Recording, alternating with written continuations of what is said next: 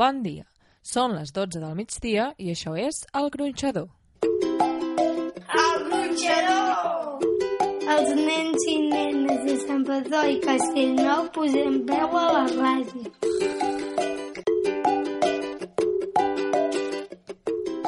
Pares, mares, tiets, tietes, avis i àvies, hem arribat a l'hora del gronxador. Estem al mes de març i els alumnes de les escoles Riudor, Llissac, la Serreta, l'Escola Municipal de Música i l'Escola L'Olivar de Castellnou ens han preparat, com sempre, notícies, reportatges, cròniques i entrevistes sobre l'actualitat. En el programa d'avui, els nens de la Serreta ens han preparat un reportatge sobre la biografia d'un autor. A més a més, ens recitaran uns poemes i ens faran una crònica sobre la festa de l'esport. Els nens de quart de l'Escola L'Olivar ens han preparat una crònica, notícies i ens explicaran l'origen de les caramelles de Castellnou. Els nens de sisè de l'Escola Llissac han preparat una notícia en anglès i ens faran una recomanació d'una cançó i d'un llibre.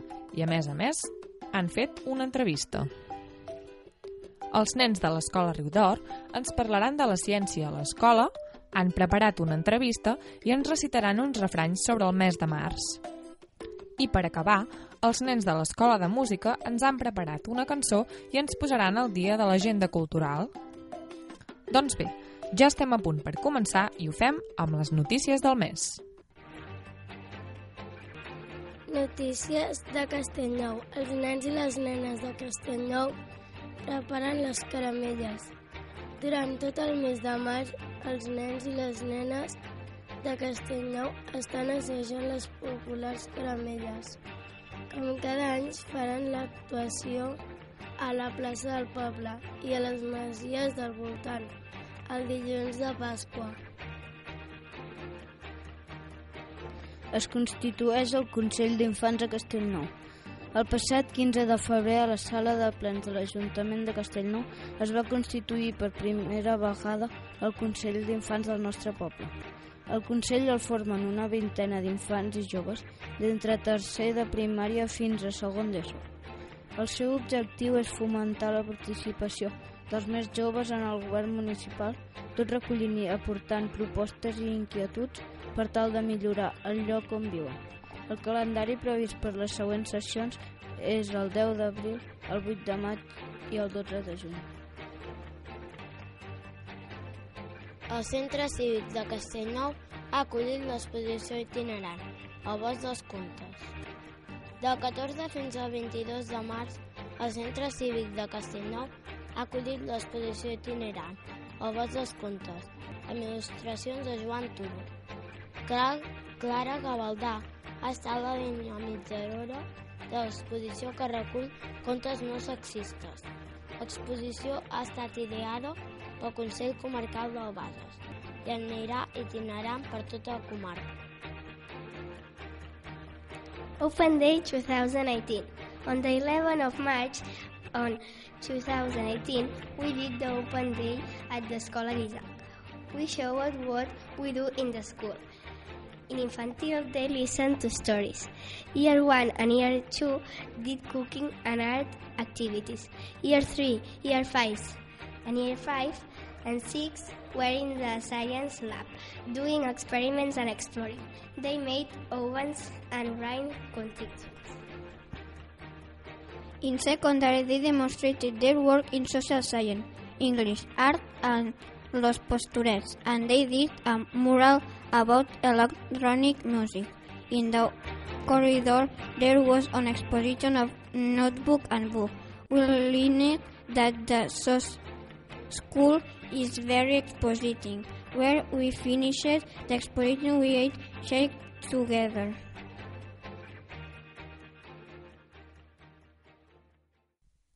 Ara escoltarem els nens de la Serreta. Primer ens faran un reportatge amb entrevista, després ens recitaran uns poemes i per últim ens faran una crònica sobre la festa de l'esport. Bon dia! Aquesta setmana hem rebut la visita de l'escriptor i poeta Salvador Comelles. Ara us explicarem una mica la seva vida i tot seguit us deixarem amb una entrevista. va néixer a Terrassa a l'any 1959. La lectura li agradava molt des de petit. Quan es va fer el carnet de soci a la biblioteca, va ser l'inici de llegir el Cavall Fort. Quan tenia 20 anys es va presentar al Premi Cavall Fort i el va guanyar. I des de llavors va començar a escriure llibres. Els seus llibres han estat traduïts en diferents idiomes. Algunes de les seves obres són poemes. També ha escrit històries per lectors de 7 a 12 anys. Com a lector professor universitari i pare, li interessa el món de la literatura infantil i juvenil. En Salvador Comelles va dedicar el llibre Bona nit, Joan al seu fill Joan. En Joan, el fill del Salvador Comelles, li agradaven molt els llops que sortien als contes. Avui entrevistarem el Salvador Comelles, un escriptor nascut a Terrassa que ha escrit molts llibres. Un d'ells és el llibre del circ. Quan el vas escriure, per què et vas inspirar en el circ? He de parlar amb el micro? Sí, que és gran. Doncs, eh, bé, jo, perquè a mi m'agradava el circ, bueno, i m'agrada, llavors vaig tenir, la idea va ser, si m'agrada el circ i per tant m'agraden els malabaristes i els acròbates i els pallassos i els mags, perquè també m'agrada la màgia, vaig pensar, doncs per què no fas un llibre on hi hagi un poema per cada personatge? I vaig pensar, faràs un poema sobre el pallasso, sobre els músics, sobre tots. I, i, i jo em vaig imaginar que seria un, un llibre amb, un, amb color i amb unes il·lustracions molt boniques, després va ser així blanc i negre, petitet, però em va agradar a mi la idea. I llavors vaig, vaig, vaig uh, començar. I em sembla que el primer que vaig fer va ser el del, el del lleó, pot ser, el del domador i el, el lleó, i després va, vaig anar fent vaig anar fent els altres. Però la primera idea és, m'agrada el circ, doncs va, farem un poema sobre cada personatge.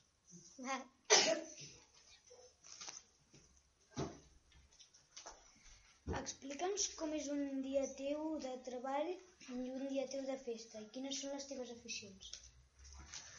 Doncs un dia meu de feina, jo faig classes a la universitat amb, amb estudiants que es faran, estan estudiant per ser mestre i també faig classes amb, amb gent gran que, que ara ja són grans però que volen estudiar més i volen saber més coses. I per tant un dia normal és que jo faig de professor i faig classes i si tinc hores lliures doncs eh, treballo eh, amb coses relacionades amb la meva professió de, de professor i de, i de, de filòleg perquè jo vaig estudiar filologia que és, que és uh, llengua catalana en aquest cas i si tinc alguna estona i tinc ganes d'escriure també aprofito alguna estona per escriure i els dies de festa, si no he de corregir coses, i no, perquè els mestres i els professors els hi passen aquestes coses, no? que arriba el dissabte o el diumenge i diu, doncs ara tinc uns exàmens per corregir. Uh, m'agraden moltes coses, anar, anar d'excursió, uh, m'agrada el futbol, m'agrada escriure, uh, el cinema i el teatre m'agraden molt, molt, moltes coses. I si tinc temps, llavors això, uh, escriure, poder tenir una estona seguida que pugui escriure alguna cosa, perquè entre setmana moltes vegades no, no, no tens temps.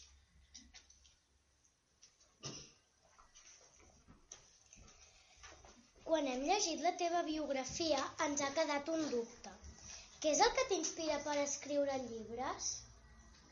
Uh, a mi em sembla que en els, escri els escriptors que escriuen uh, jo crec que tots els agrada llegir i que de petits ja els agradava llegir. I que s'ho van passar molt bé quan llegien llibres, històries, no, novel·les, no? Eh, llibres d'aventures, i que els hi han quedat les ganes de seguir llegint i que llavors, quan llegeixes algun, algun llibre que t'ho passes molt bé, dius, ah, també m'agradaria a mi escriure'n un que m'ho passés bé, inventar-te una història i, i com començarà i com acabarà i quins personatges hi haurà, o, o uns poemes, no? i per tant jo crec una de les coses que m'inspira és llegir perquè em venen ganes de, d'escriure, no? És com si estàs a casa i fas una coca, unes magdalenes, que dius, ai, ara eh, em ve gana, no? Ja, ja tinc ganes de menjar-me-les. Doncs també, no? Llegeixes i dius, ah, tinc ganes d'escriure. Ah, Hi ha gent que no li passa, eh? Però a mi em passa. Tries tu l'il·lustrador o l'il·lustradora que va um, per fer els dibuixos i això? Alguna vegada sí, però per exemple, heu llegit a quin...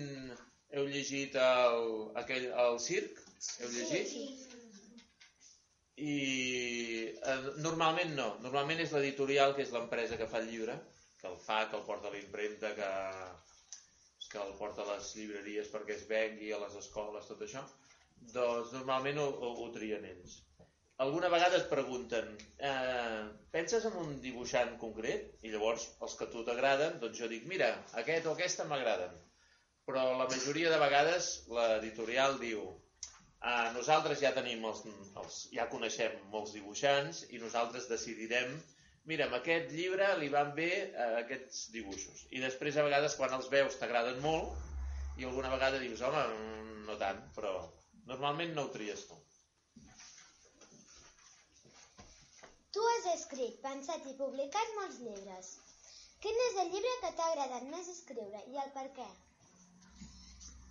Uh, N'hi ha, ha, ha molts que m'han agradat. Per exemple, el del circ em va, és un que a mi m'agrada perquè m'hi vaig passar dos anys per fer-lo, que és molt temps, i era un llibre que pensaves a veure si serà difícil de publicar perquè la poesia i tot això i, i en canvi bueno, al final es va poder publicar i és un llibre per exemple que n'estic content normalment de, de la majoria de llibres que jo he escrit n'estic content o per exemple aquell del aquell del Bona nit Joan que, que hi ha allà no?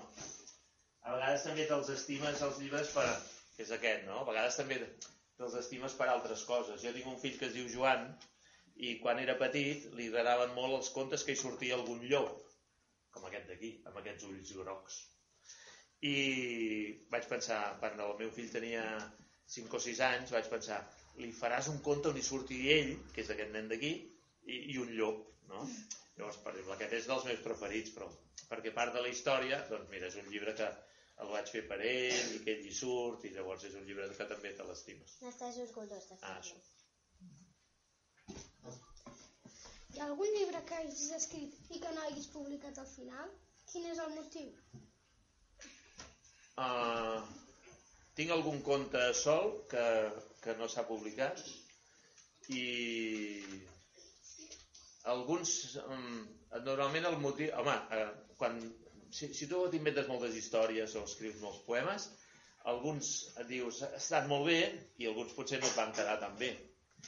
Llavors pot ser que quan tu el vulguis publicar diguin aquest no ens agrada tant i a vegades és, és per altres motius perquè diu ens agrada, ens agrada però la, eh, és massa llarg o és massa curt perquè, per aquesta col·lecció o per exemple la poesia és més difícil de publicar que, que les històries, que els contes i que les narracions i per tant a vegades hi ha algun llibre de, de poesia que costa més de, de publicar però també has d'anar provant. Eh? Si tu vas a un editorial i dius, escolti, tinc aquesta història, li agrada?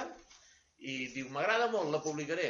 I alguna vegada diu, aquesta no. I en canvi vas a un altre editorial i diuen, ah, doncs ens ha agradat molt.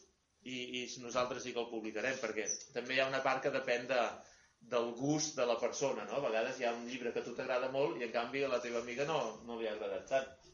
Perquè hi ha una part també com de, de cadascú, no? De dir, mira't aquesta pel·lícula que és molt divertida. I a vegades te la mires i dius, home, per mi no era tan divertida, perquè hi ha una part també personal, no? Sabem que ets professor universitari. Què et va portar a ser-ho? Uh, bueno, a mi m'agrada fer classes. I per tant uh, és, és com escriure, no diu per què escrius? Diu perquè m'ho passo molt malament. Home no, si tu passes molt malament no escriguis no? llavors si jo escric és perquè hi ha algun dia que et poses de mal humor que dius no, no em surt, no m'agrada. Però normalment tu passes bé. I si al final hi ha el llibre i està acabat i dius mira, ha, ha quedat bé doncs estàs content no? i jo sóc professor bàsicament també perquè m'agrada fer classe. Hi ha dies que pot ser pesat, hi ha dies que dius, torno a explicar el mateix, però a mi en general m'agrada. I és una cosa que jo, hi ha una part de ser professor que és una mica com, com escriure, que és que també se't poden acudir maneres no? Eh, de fer, eh, pot ser més creatiu, jo crec que també que és una feina bonica. Vale.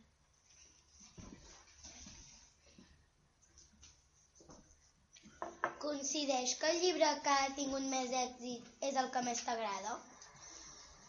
Home, per exemple, un dels que ha tingut molt èxit és aquest, i que és un dels que m'agrada més, però tinc algun llibre que a mi m'agrada i en canvi no, no s'ha venut tant, perquè això depèn de moltes coses. A vegades hi ha una editorial que el llibre és més bo no tant, però ven molts llibres. No vol dir que els que es venen més ah, són els més bons, no vol dir simplement que es venen més. Però no, no, no, no, no, sempre, no sempre coincideix. I mai no ho saps. Eh? Tu fas un llibre i dius, aquest es vendrà molt, doncs no ho saps, ja, ja, ja ho veurem. Però sí que veus si a les persones que l'han llegit els agrada, no els agrada... Mm, I jo sempre quan acabo una un llibre el, el passo amb unes quantes persones que el llegeixin i que em diguin això ens ha agradat, això no, uh, això ho hauries de canviar una mica. Uh, està molt bé, però el títol és molt raro. I llavors dius, doncs va, potser que canviem el títol, no? I per tant, uh, també és molt útil que, que t'aconselli.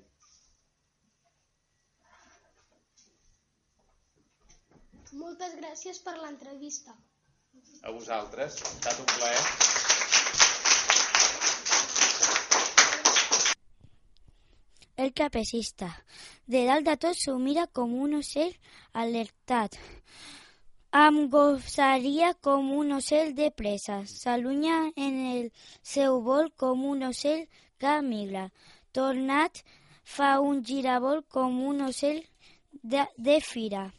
Es penja com, cap a, a, avall com un ocell de nit però quan cau ma, malferit com un ocell, fe, ai, com un ocell ferit acaba la caia, gai, ai, caigut per pescat una, amb, en una xarxa sense aire s'hi belluga com un peix a la subhasta. El conill del mag. Tinc un cau molt curiós. Visc en un barret de copa perquè jo sóc de la tropa d'un gran mag molt famós. Et diré ben orgullós que fem totes les setmanes. Venen molts espectadors i aplaudeixen tots amb ganes.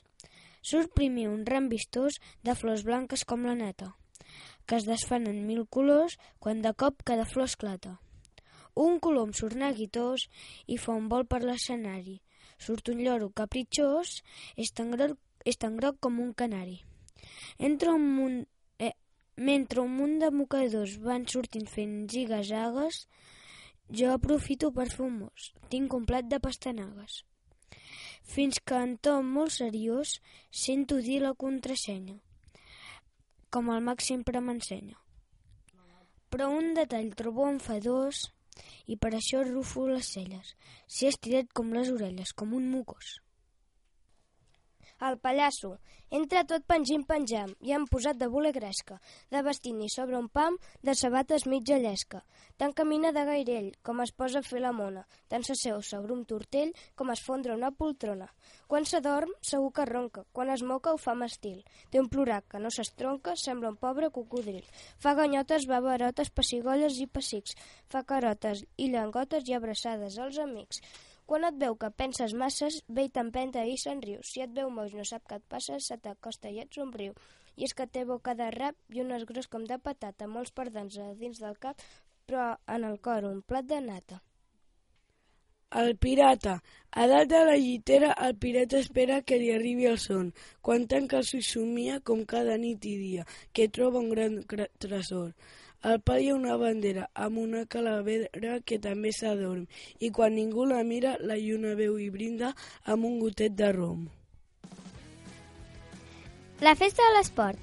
La festa de l'esport és una festa que fem tots els nens i nenes de l'escola la Serreta. La fem a final del segon trimestre per celebrar que s'ha acabat. Cada any fem una temàtica diferent de l'any anterior.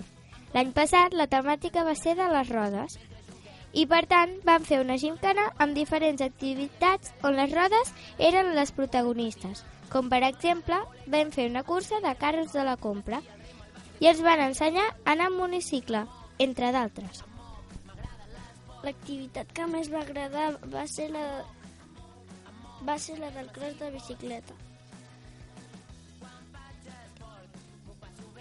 Aquesta gincana la fem tot el, la fem tot el, el matí i a la tarda. Fem una caminada als petits i uns i una, i una bicicleta dels grans. Aquest any la temàtica és de les cordes.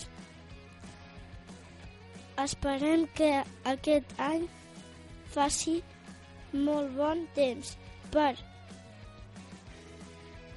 per gaudir-la molt i passar-nos-ho molt bé jugant amb les activitats que farem. La festa de l'esport. Cada any, a finals del segon trimestre, celebrem la festa de l'esport. A la tarda, des de P3 fins a segon, es fa una ruta a peu a un indret proper a l'escola, normalment fins a l'ermita de Sant Francesc, i ens acompanyen els pares i alguns mestres. Però des de tercer fins a sisè es fa una ruta en bicicleta d'uns 12 quilòmetres. Hi ha dues rutes i els nens i nenes poden triar quina volen fer. Quan arribem, estem molt cansats. Per recuperar l'energia mengem una taronja que és una font de vitamina i així ens recuperem molt ràpid. Llavors, quan acabem, tenim una estona per jugar amb els companys. El gronxador! Els nens i nenes de Sant Padó i Castellnou posem veu a la ràdio. Ara és el torn dels nens de l'Oliva. Escoltarem la crònica que ens han preparat i ens explicaran d'on venen les caramelles de Castellnou.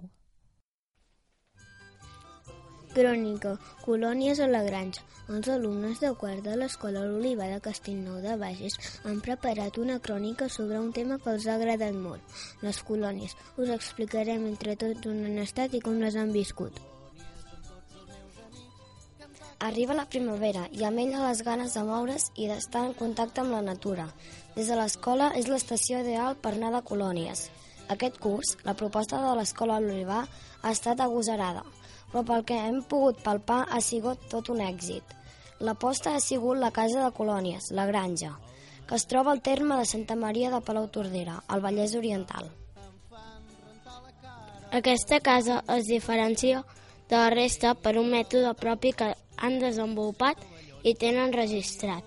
Es basa en la pràctica i l'entrenament de les competències emocionals dels nens i joves, que donen resultats demostrats científicament en el canvi de comportament i actitud dels alumnes. Al darrere hi ha el grup de recerca en orientació pedagògica de la Universitat de Barcelona, que va als resultats. La Casa de Colònies La Granja la dirigeix Cristina Gutiérrez, que es defineix ella mateixa com a educadora emocional i que s'esforça en divulgar el seu coneixement a través de xerrades i conferències. Cristina Gutiérrez també ha escrit llibres i contes educatius amb aquest fi. Com és evident, compta un equip de monitors perfectament format per treballar amb tots els nens i nenes la competència emocional seguint el mètode de la granja. La formació d'educadors emocionals per aplicar i desenvolupar rigorosament aquest mètode també forma part del seu objectiu.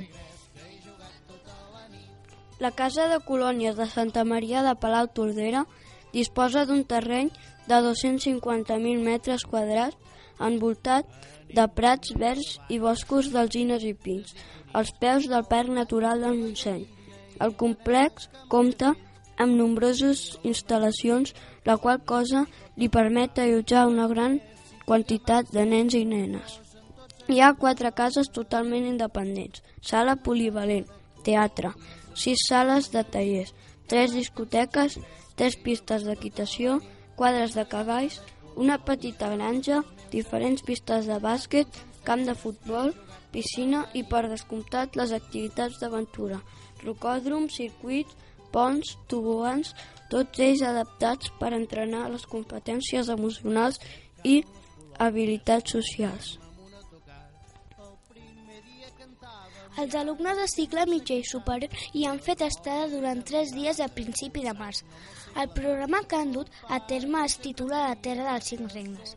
En aquest programa han treballat l'autoconeixement, l'autoestima, la comunicació positiva, la responsabilitat i la confiança. Han hagut de superar diferents proves per a aconseguir unes claus que al final els portarà al tresor final, que serà descobrir que la clau de la felicitat estan ells mateixos.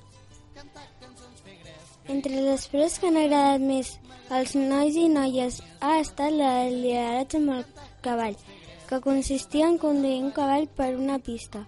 Acostar-se a un animal tan gros ja és un bon repte i conduir-lo encara és més. La Natàlia de Quart comenta M'ha agradat molt veure un cavall i acostar-me un altre cop a ell m'ha fet veure que sóc valenta.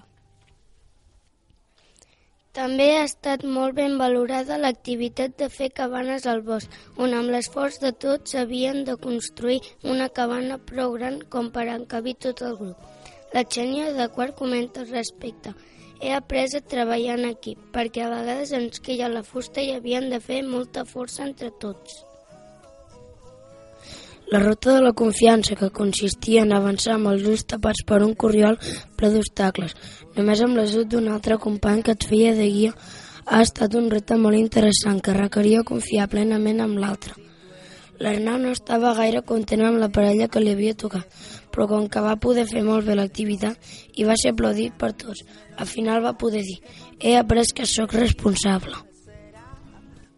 La passejada nocturna pel bosc va despertar pors inseguretats entre alguns nens i nenes, però al final es tenia la satisfacció d'haver superat junts un nou repte. Com veieu, han estat unes colònies que no han deixat indiferent a ningú. Tots i totes han fet un pas pel seu autoconeixement i ha permès millorar l'equació del grup. Acabarem fent un recull d'alguns dels comentaris dels protagonistes que expliquen el que s'han emportat d'aquestes colònies. Aquestes colònies han sigut superguais, me n'emporto l'alegria, va dir Roger. L'Iris va comentar, són les colònies més xules que he fet en tota la meva vida. I finalment l'Uo va exclamar, aquest lloc és increïble, m'heu fet molt feliç. I amb aquests comentaris acabem la nostra crònica.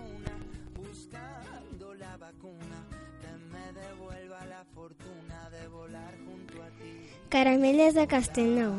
Fa anys, el grup cultural La Natura i la coral Les Veus de Castellnou van voler recuperar la tradició de cantar caramelles per Pasqua i la recuperació del Ball de Cascabels de Castellnou. Des de l'escola L'Oliva hi participem per mantenir viva la tradició del Ball de Cascabels i també des del curs passat un grup de nens i nenes de l'escola fan una petita ruta per cantar caramelles a dilluns de Pasqua a diverses cases de pagès del municipi. Els veïns obsequien els cantaires i balladors amb uns bons aperitius de coca, pa i embotits, dolços i begudes.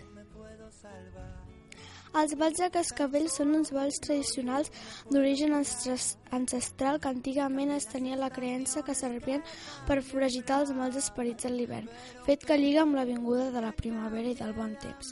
Són típics de la zona de la Catalunya central. El ball de cascabells a Cardona és el més ben conservat i podria ser l'origen de tots els balls de cascabells dels pobles al costat, ja que les músiques són molt similars. A Castellnou de Bages el vell de Cascabells va estar a punt de perdre's, però fa uns quants anys es va trobar un vídeo sense so, on es veia uns balladors que el ballaven, i una colla de veïns i veïnes van poder trobar un avi que tocava l'acordió i encara recordar una mica de com sonava aquest ball. La versió que es balla actualment el dia de Pasqua és una recomposició musical i coreogràfica a partir d'aquest material i gràcies a això, i gràcies a això s'ha pogut recuperar.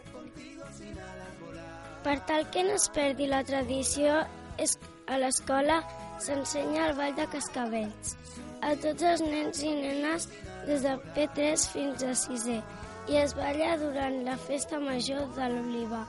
L'últim dia, el segon trimestre, en un acte que, que anomenem Fem Pasqua abans de Rams.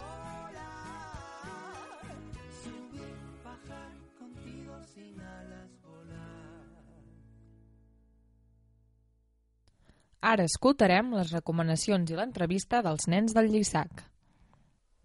Us recomanem la cançó Junts, del Jordi Ninus, perquè explica una rutina real d'una persona com nosaltres. Però la nostra hauria de ser sempre com al final de la cançó. Mireu el videoclip. Digue'm on vas, balla el ritme del meu compàs Diu la dita que tot el que fas tornarà. Dolços records m'acompanyen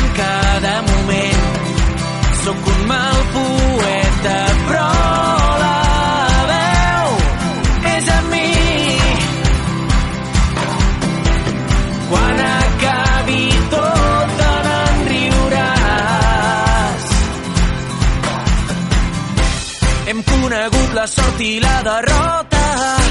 Hem fet cançons d'amor amb quatre notes.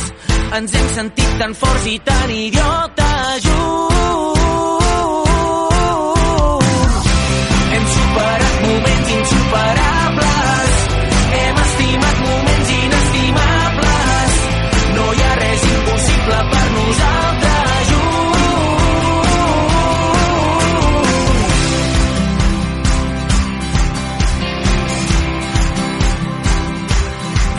Elegant, vull que et sentis molt especial.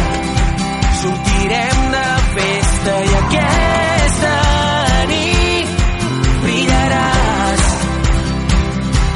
Avui sóc aquí, l'endemà no sé si vindrà. Sóc un nou profeta dins un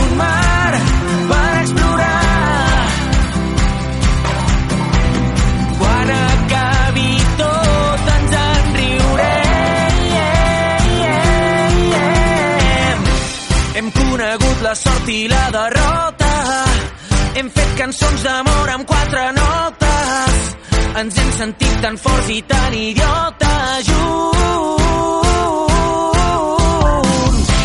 Hem superat moments insuperables.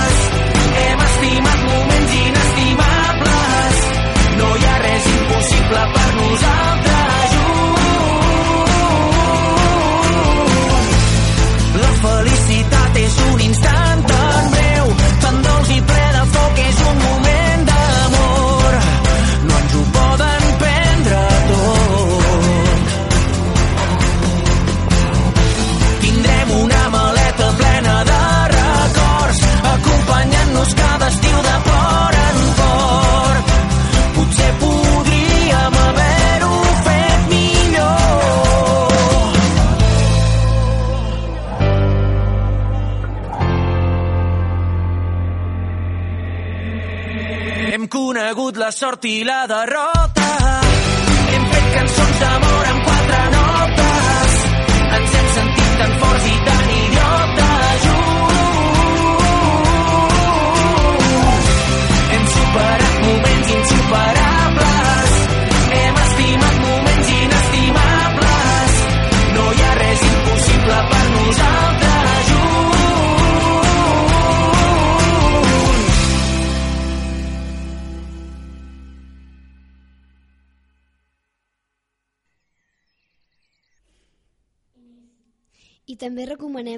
de Wonder. El recomanem perquè explica el dur que és la vida d'un nen amb una deformació a la cara.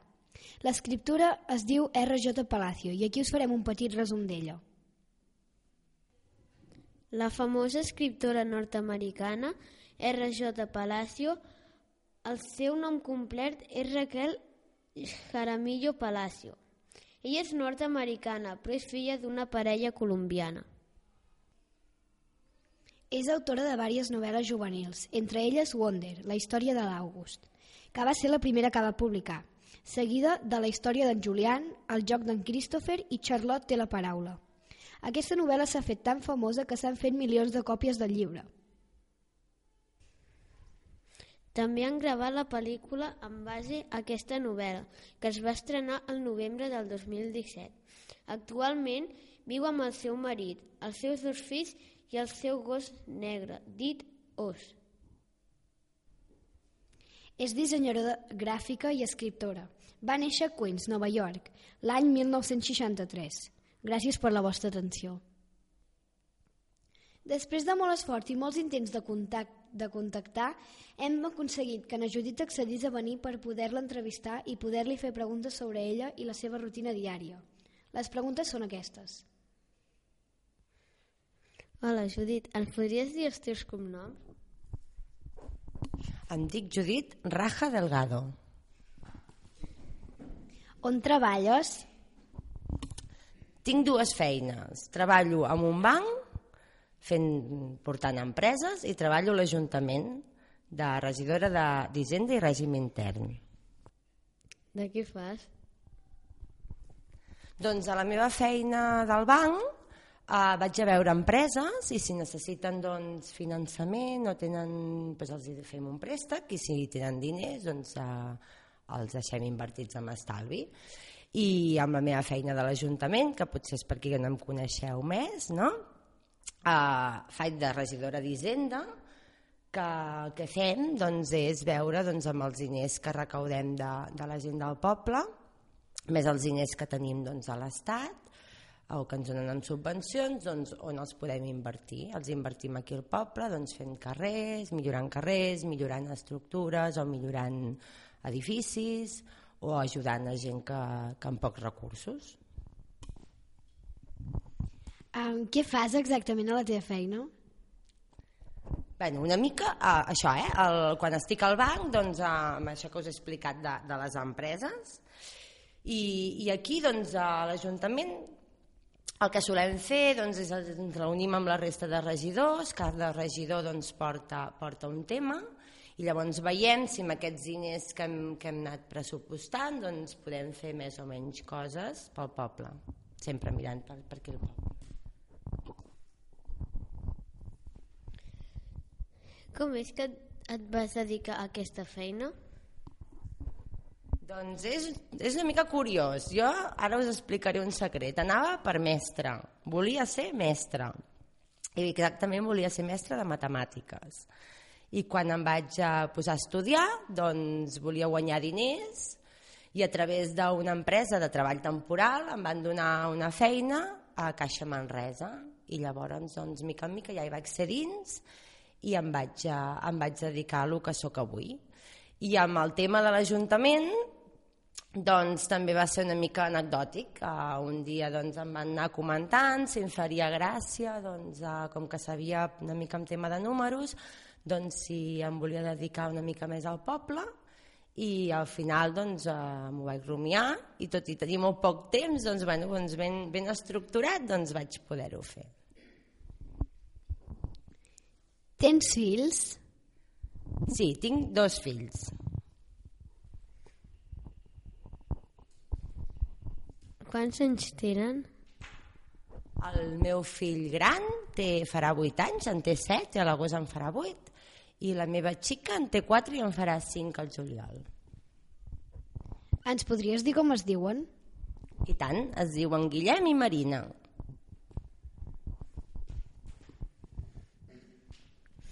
A quines activitats es dediquen? El Guillem eh, fa d'extraescolar, fa futbol, fa futbol sala i fa judo.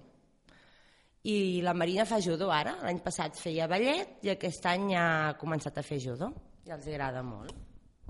Les recomanes? Uh, sí, les recomano. Uh, la veritat és que sí, judo i futbol la recomano perquè nosaltres sempre pensem que els nens han de fer un esport en equip per saber doncs, jugar amb equip i compartir. I judo la recomano perquè perquè penso que és un esport que fa molta disciplina i aprèn doncs, a, als nens o nenes molt moguts doncs, a saber quan és el seu torn i, i, i estar una mica més pausats i els hi va molt bé. A quina escola van? Tots dos van a l'escola Llissac d'aquí Sant Padó. Quins curs fan? El Guillem fa segon i la Marina fa P4. Com, com es diu el teu company? El meu home es diu Jordi. Quants anys té? I en té, ai, ai, ara em renyarà, eh, que no n'hi posarem de més. Uh, N'ha fet a 43. I tu quants anys tens? No us enganyaré, eh? Jo en tinc 38 i d'aquí un mes i mig en faig 39. A quina escola vas anar quan eres petita?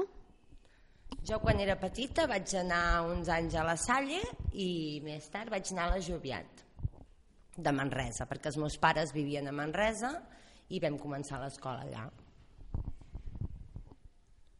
Qui en recordes? Doncs tinc molts bons records. De fet, us he de dir que bona part dels meus amics uh, són de l'escola. A banda de la colla d'aquí al poble, doncs els amics, encara mantinc molts amics de, de l'escola amb els que quedo bastant sovint. I recordo també alguns mestres, que algun encara me'l trobo per Manresa i tinc molt bon record. Què feies quan eres petita? Uh, suposo que és extraescolar i jo quan era petita com ara m'encantava ballar i vaig fer doncs vaig fer rítmica vaig fer bueno, gimnàsia amb balls una mica el que ara es fa amb zumba abans no es deia zumba abans es deia, es deia rítmica i vaig fer molts anys això Quina era la teva sèrie preferida? Quan era molt petita, molt petita, hi havia una sèrie de, de dibuixos que es deia Candy Candy i aquesta era la meva sèrie preferida de, de xica. Quina és la teva sèrie preferida de l'actualitat? I actualment, tot i que no tinc gaire temps per veure la tele, eh, quan tinc una estoneta, la meva sèrie preferida és Anatomia de Grey, que és una sèrie de metges. Quina va ser la, la, teva, la teva pel·lícula preferida quan eres un infant? Ostres, quan era petita, la meva sèrie preferida... Ai, la meva pel·lícula, eh, has dit? Doncs de petita petita no recordo massa pel·lícules. De, de joveneta, la primera que em va, que em va impactar uh, va ser Oficial i Caballero, que era un noi que s'enamorava d'una noia i acabaven doncs, casats, no? i era molt romàntica i era una mica la que, la que recordo com de primeres pel·lícules de, de joveneta. Quina és la teva pel·lícula preferida d'ara? I d'ara, bueno, també és un clàssic, eh? però la que diria més preferida, més preferida és Ghost, que també és d'amor, eh? Soc molt romàntica. Però, bueno, també és una parella que, bueno, ell, ell moria i des de l'altra banda, de, no? des d'on sigui, doncs, una mica es retrobaven i estaven molt enamorats. Tens un llibre preferit? No tinc un llibre preferit. La veritat és que, que últimament llegeixo molt escriptors locals i, i no tinc una temàtica. A vegades em dona per llegir amb coses més d'acció, altres més uh, romàntics, altres uh, més de riure, però no en tinc un de preferit. I per què vas canviant de, de romàntica, divertit i coses d'aquestes? Bueno, suposo que una mica depèn de com estiguis els teus ànims, no? doncs et ve de gust d'una manera o d'una altra. Llavors m'agrada molt d'intriga també, llavors bueno, quan a vegades acabo un d'intriga penso ara un si és que em faci més riure i anem a la biblioteca, n'agafem un altre i anem, i anem llegint. Quin és el teu autor preferit? Doncs una mica és el que us comento. Eh? Últimament eh, no en tinc cap eh, de, de, allò fixa i últimament, per sort, eh, aquí Sant Pol han tingut diversos escriptors que, que he pogut aconseguir els seus llibres i, i me'ls he anat llegint i són els que últimament doncs, eh, em llegeixo més. Recordes quins llibres has llegit d'aquest autor? Vale. L'últim que he llegit aquest, bueno, de l'autor, que és aquesta senyora d'aquí al poble, la Margarita, eh, va fer un llibre que es diu L'estel que més brilla, que és un llibre dedicat a la, a la seva filla i que recomano la lectura a tothom, tant, tant més petits com més grans, perquè la veritat és que és un llibre molt, molt bonic. T'ha agradat? Doncs em va agradar molt i més que agradar, que, que molt eh, em va agradar, però em va emocionar molt perquè és un llibre que bueno, la seva filla quan va ser joveneta es va morir i, i era bastant emocionant. Sí. On vius? Visc aquí a Sant Padó, molt a prop de, de l'escola Llissac. Tens algun animal de companyia? Sí, tenim una, un gat que es diu Xina. Quin és el teu color preferit? El meu color preferit, eh, m'agraden tots els colors, eh? però sempre ha sigut el vermell. Quin és el teu menjar preferit? I el menjar preferit, eh, els canelons de la meva mare. I finalment, ens podries explicar la teva rutina diària d'un dia normal? Uh, sí, uh, és bastant intensa eh, la rutina, uh, però normalment doncs, al, al matí, a les uh, 8 del matí, em poso a treballar al banc. Uh, solo treballar de 8 a 3, a les 3 dinem amb una esgarrapada amb un company, a les 4 normalment ens hi tornem a posar fins cap a les 5 que vinc corrents per recollir si puc el meu fill, el Guillem i a la Marina i a la nena.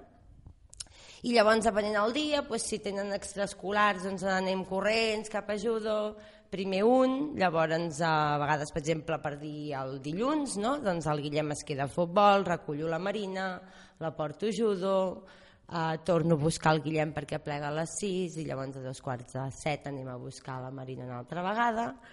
I llavors comença ell el seu torn de judo a dos quarts de 7 deixem el Guillem a judo el recollim a cap a dos quarts de 8 arribem a casa, fem el sopar o fem dutxes, fem sopar uh, recollim una miqueta i cap a dormir i depèn una mica les extraescolars del nen, doncs hi ha dies doncs, o si no tenen judo doncs anem a la biblioteca o, o anem a comprar. Però és bastant intensa. Els dimarts al vespre també he d'anar a l'Ajuntament i llavors en comptes d'anar a recollir els nens doncs, que els recull el seu pare doncs vaig cap a l'Ajuntament fins a ben bé al vespre que tenim reunions. Moltes gràcies, Judit, per haver vingut i per contestar-nos totes les preguntes amb sinceritat. Moltes gràcies a vosaltres per haver-me convidat, uh, per haver-me fet totes aquestes preguntes, perquè us les heu treballat moltíssim i enhorabona per aquest programa. I ara escoltarem els nens de l'escola Riu d'Or.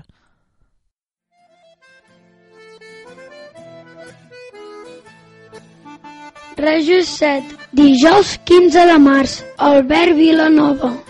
L'escola Sant Pedrenca Riu d'Or crea un espai per apropar les ciències.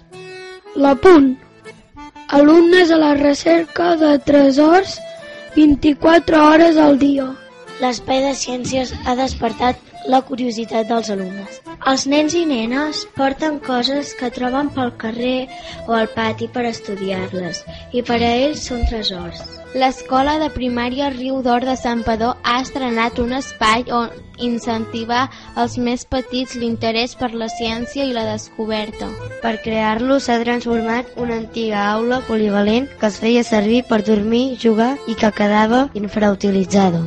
Ara, en canvi, la ciència forma part del dia a dia dels alumnes d'educació infantil, amb un ampli ventall de propostes. Un dels elements estrella és l'anomenat tubenginy, amb el que tot va començar. En síntesis, es tracta d'una peça de fusta gran amb forats i uns tubs que s'hi han de ficar correctament per construir circuits amb què l'escola va guanyar el Premi La Ciència als Infants que organitza el Rotary Club. A partir d'aquí l'interès per la ciència va créixer per part dels nens. I l'escola ha respost a les seves necessitats amb la creació d'un espai específic dins del centre que permet modificar la metodologia de treball. I convertir els alumnes en protagonistes a partir de l'observació, la reflexió i el treball en grup. L'evolució dels éssers vius és un dels elements d'observació. A l'espai hi ha peixos d'aigua calent i freda i insectes pal. Com que els nens hi passen almenys un cop per setmana, poden seguir els seus processos vitals, des de la reproducció dels peixos i els insectes fins la mort en alguns casos. L'oferta d'activitats és realment variada. Hi ha un sorral, una caixa de llavors, imants, jocs d'engranatges i panys i una inacabable llista d'estris. La utilitat de la zona també va més enllà de l'espai de ciències i arriba a les classes on es trasllada el nou material quan es considera convenient perquè els alumnes es facin preguntes constantment. Tots els elements tenen rodes. Aquesta és una manera d'expressar que és un espai viu, a nous canvis i evolucions. De moment l'estan aprofitant els alumnes d'educació infantil, però pròximament es donarà pas als alumnes de primària, sempre accedint en grups reduïts per obtenir-ne més benefici.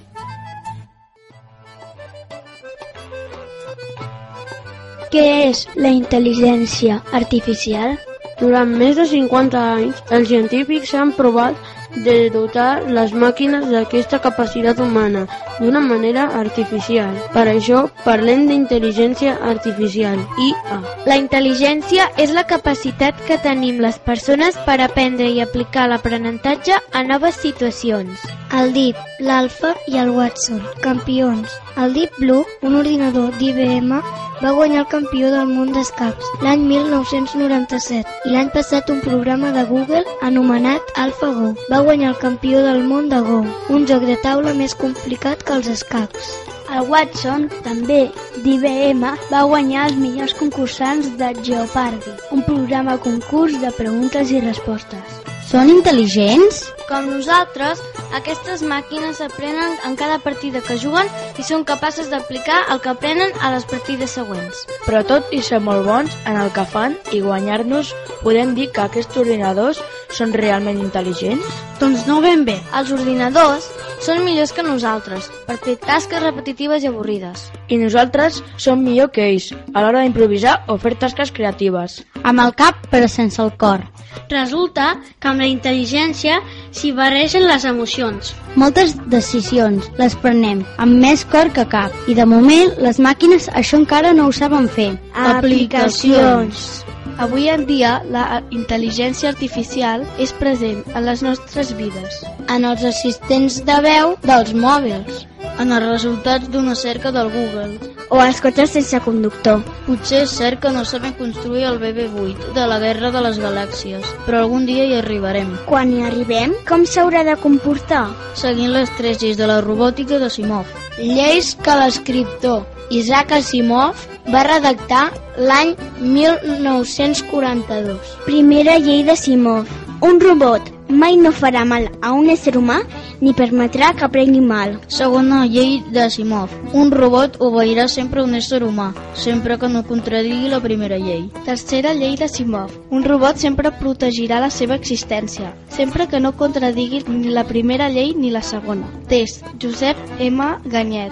Cavall Fort 1335.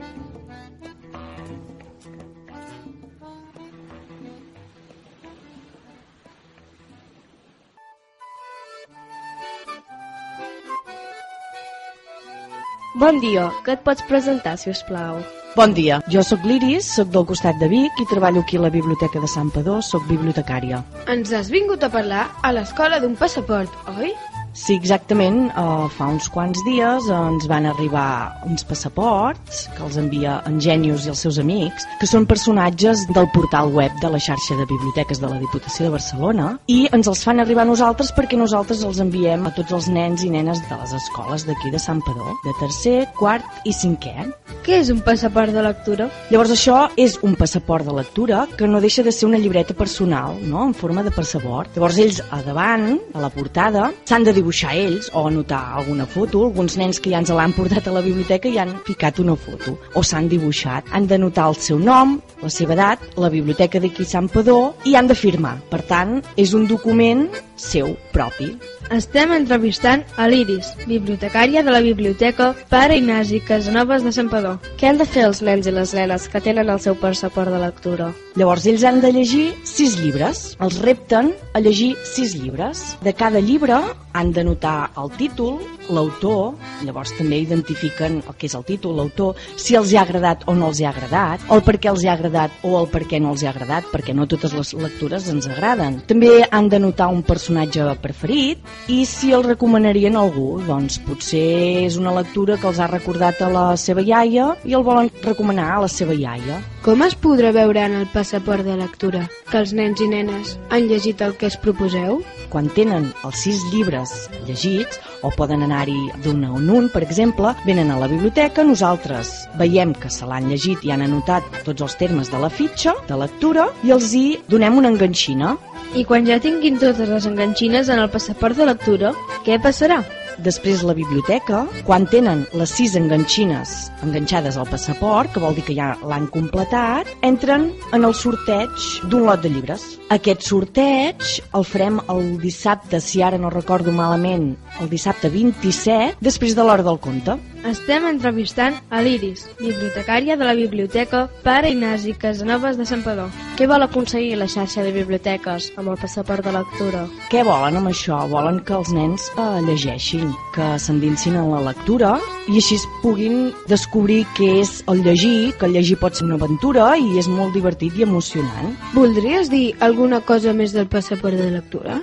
Bé, nosaltres el que sempre diem és que els engresquem a que llegeixin, a que llegeixin llegeixin molts llibres, eh, cada llibre et transporta en un món diferent i així descobreixen que llegir és una aventura. Necessiten aquest passaport per arribar a aquesta aventura. Es podran donar compte del que van llegir, de si els hi va agradar o no, a tall de, de resum de, de les seves lectures en un passat. Vols animar a llegir a tots els que ens escolten? A tots i a totes, canalla, us animem a llegir, sobretot per què? Perquè descobrireu que cada llibre us transporta a un lloc diferent, a un lloc màgic, a noves aventures i descobrireu que llegir pot ser divertit i fins i tot emocionant i no avorrit. I d'aquesta manera, com més llegiu, més lliures sereu. Moltes gràcies, Iris, per les teves explicacions. De res, gràcies a vosaltres. Ens veiem a la biblioteca. Ens veiem a la biblioteca. Ens veiem a la biblioteca. Ens veiem a la biblioteca Pare Ignasi Casanovas de Sant Padó. Viu la vinya. Viu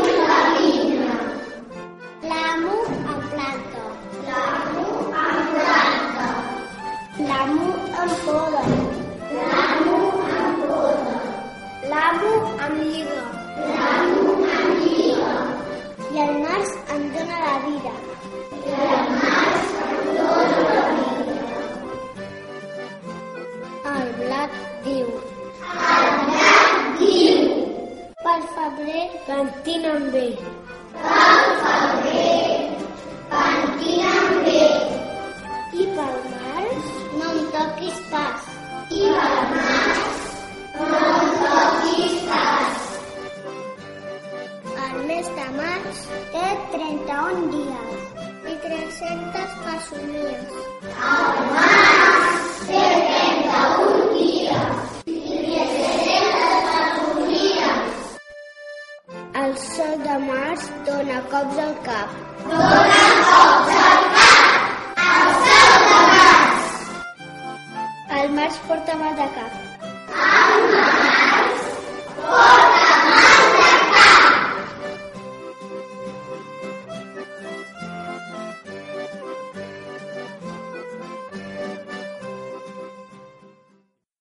Estem a punt d'acabar, però abans ens queda escoltar els nens de l'Escola Municipal de Música.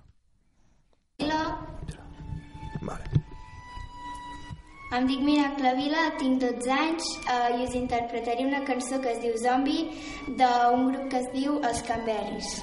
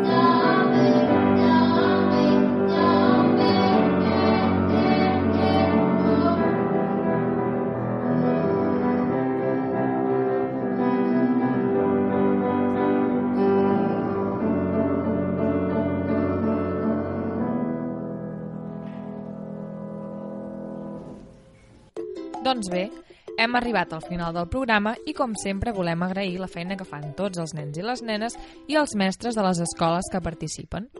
Només recordar que podeu escoltar el programa el quart diumenge de cada mes, a les 12 del migdia. Per últim, ens quedem amb l'agenda cultural que han preparat els nens i les nenes de l'Escola Municipal de Música. Ens veiem el mes que ve aquí al Gronxador. Música cursal, sala gran, passió segons Sant Joan de Bach, Orquestra Simfònica del Vallès, més cor lieder, càmera i orfeó Manresà, cor de cambra de la Diputació de Girona. Avui diumenge, 25 de març, a les 18, de 20, de 20 euros a 22 euros. Durada, 1 hora i 30 minuts. Direcció, Xavier Puig. Solistes, Assumpta Mateu, soprano. Inés Moraleda, contralt. David Alegret, tenor. Pau Cordàs, baix. Oreig Canela, evangelista. Adrià Díaz, Jesús. A Contralló, Teatre Cursal, 5 d'abril de 2018, 10 euros a 12 euros. Horari, 21 hores. La, la formació a Contrallum, liderada pel soriano Mateu Baramiquel, es va crear l'any 2016 amb la intenció de reinterpretar cançons d'autors catalans i cançons populars amb un estil modern i jazzístic. El pianista i arranjador del grup, Mateu Pere Miquel, va començar a treballar temes de diversos autors, Lluís Llach, Ovidi Montlló, Joan Man Manuel Serrat, Jaume Sisa, etc., utilitzant noves sonoritats i jugant amb els instruments que formen la banda. Música, platea jove, cursal, sala branc, Pic Pan Bàsquet Pic Barcelona. Espectacle, un nosaltres abans que un jo. Divendres 20 d'abril, 21 hores. De 15 euros a 5 euros. Durada, 1 hora 15. Direcció escènica, David Martínez. Direcció musical, David Sitges Jardà. La companyia Big Bang Basket Pic Barcelona crea i presenta Basket Pic, un nosaltres abans que un joc convertint el teatre en una plaça pública de qualsevol de les nostres ciutats. Es presenta la troballa d'un jove que fa de la pilota de bàsquet un instrument per fer música en grup. Veus, percussions, teclats, instruments de vent i sorprenentment tubòfon vesteixen el ritme trepidant i corporal de les pilotes que només volen revisar el paper de les nostres institucions i sobretot celebrar que l'educació, la cultura i la responsabilitat de fer un món millor és, ens pertany a tots.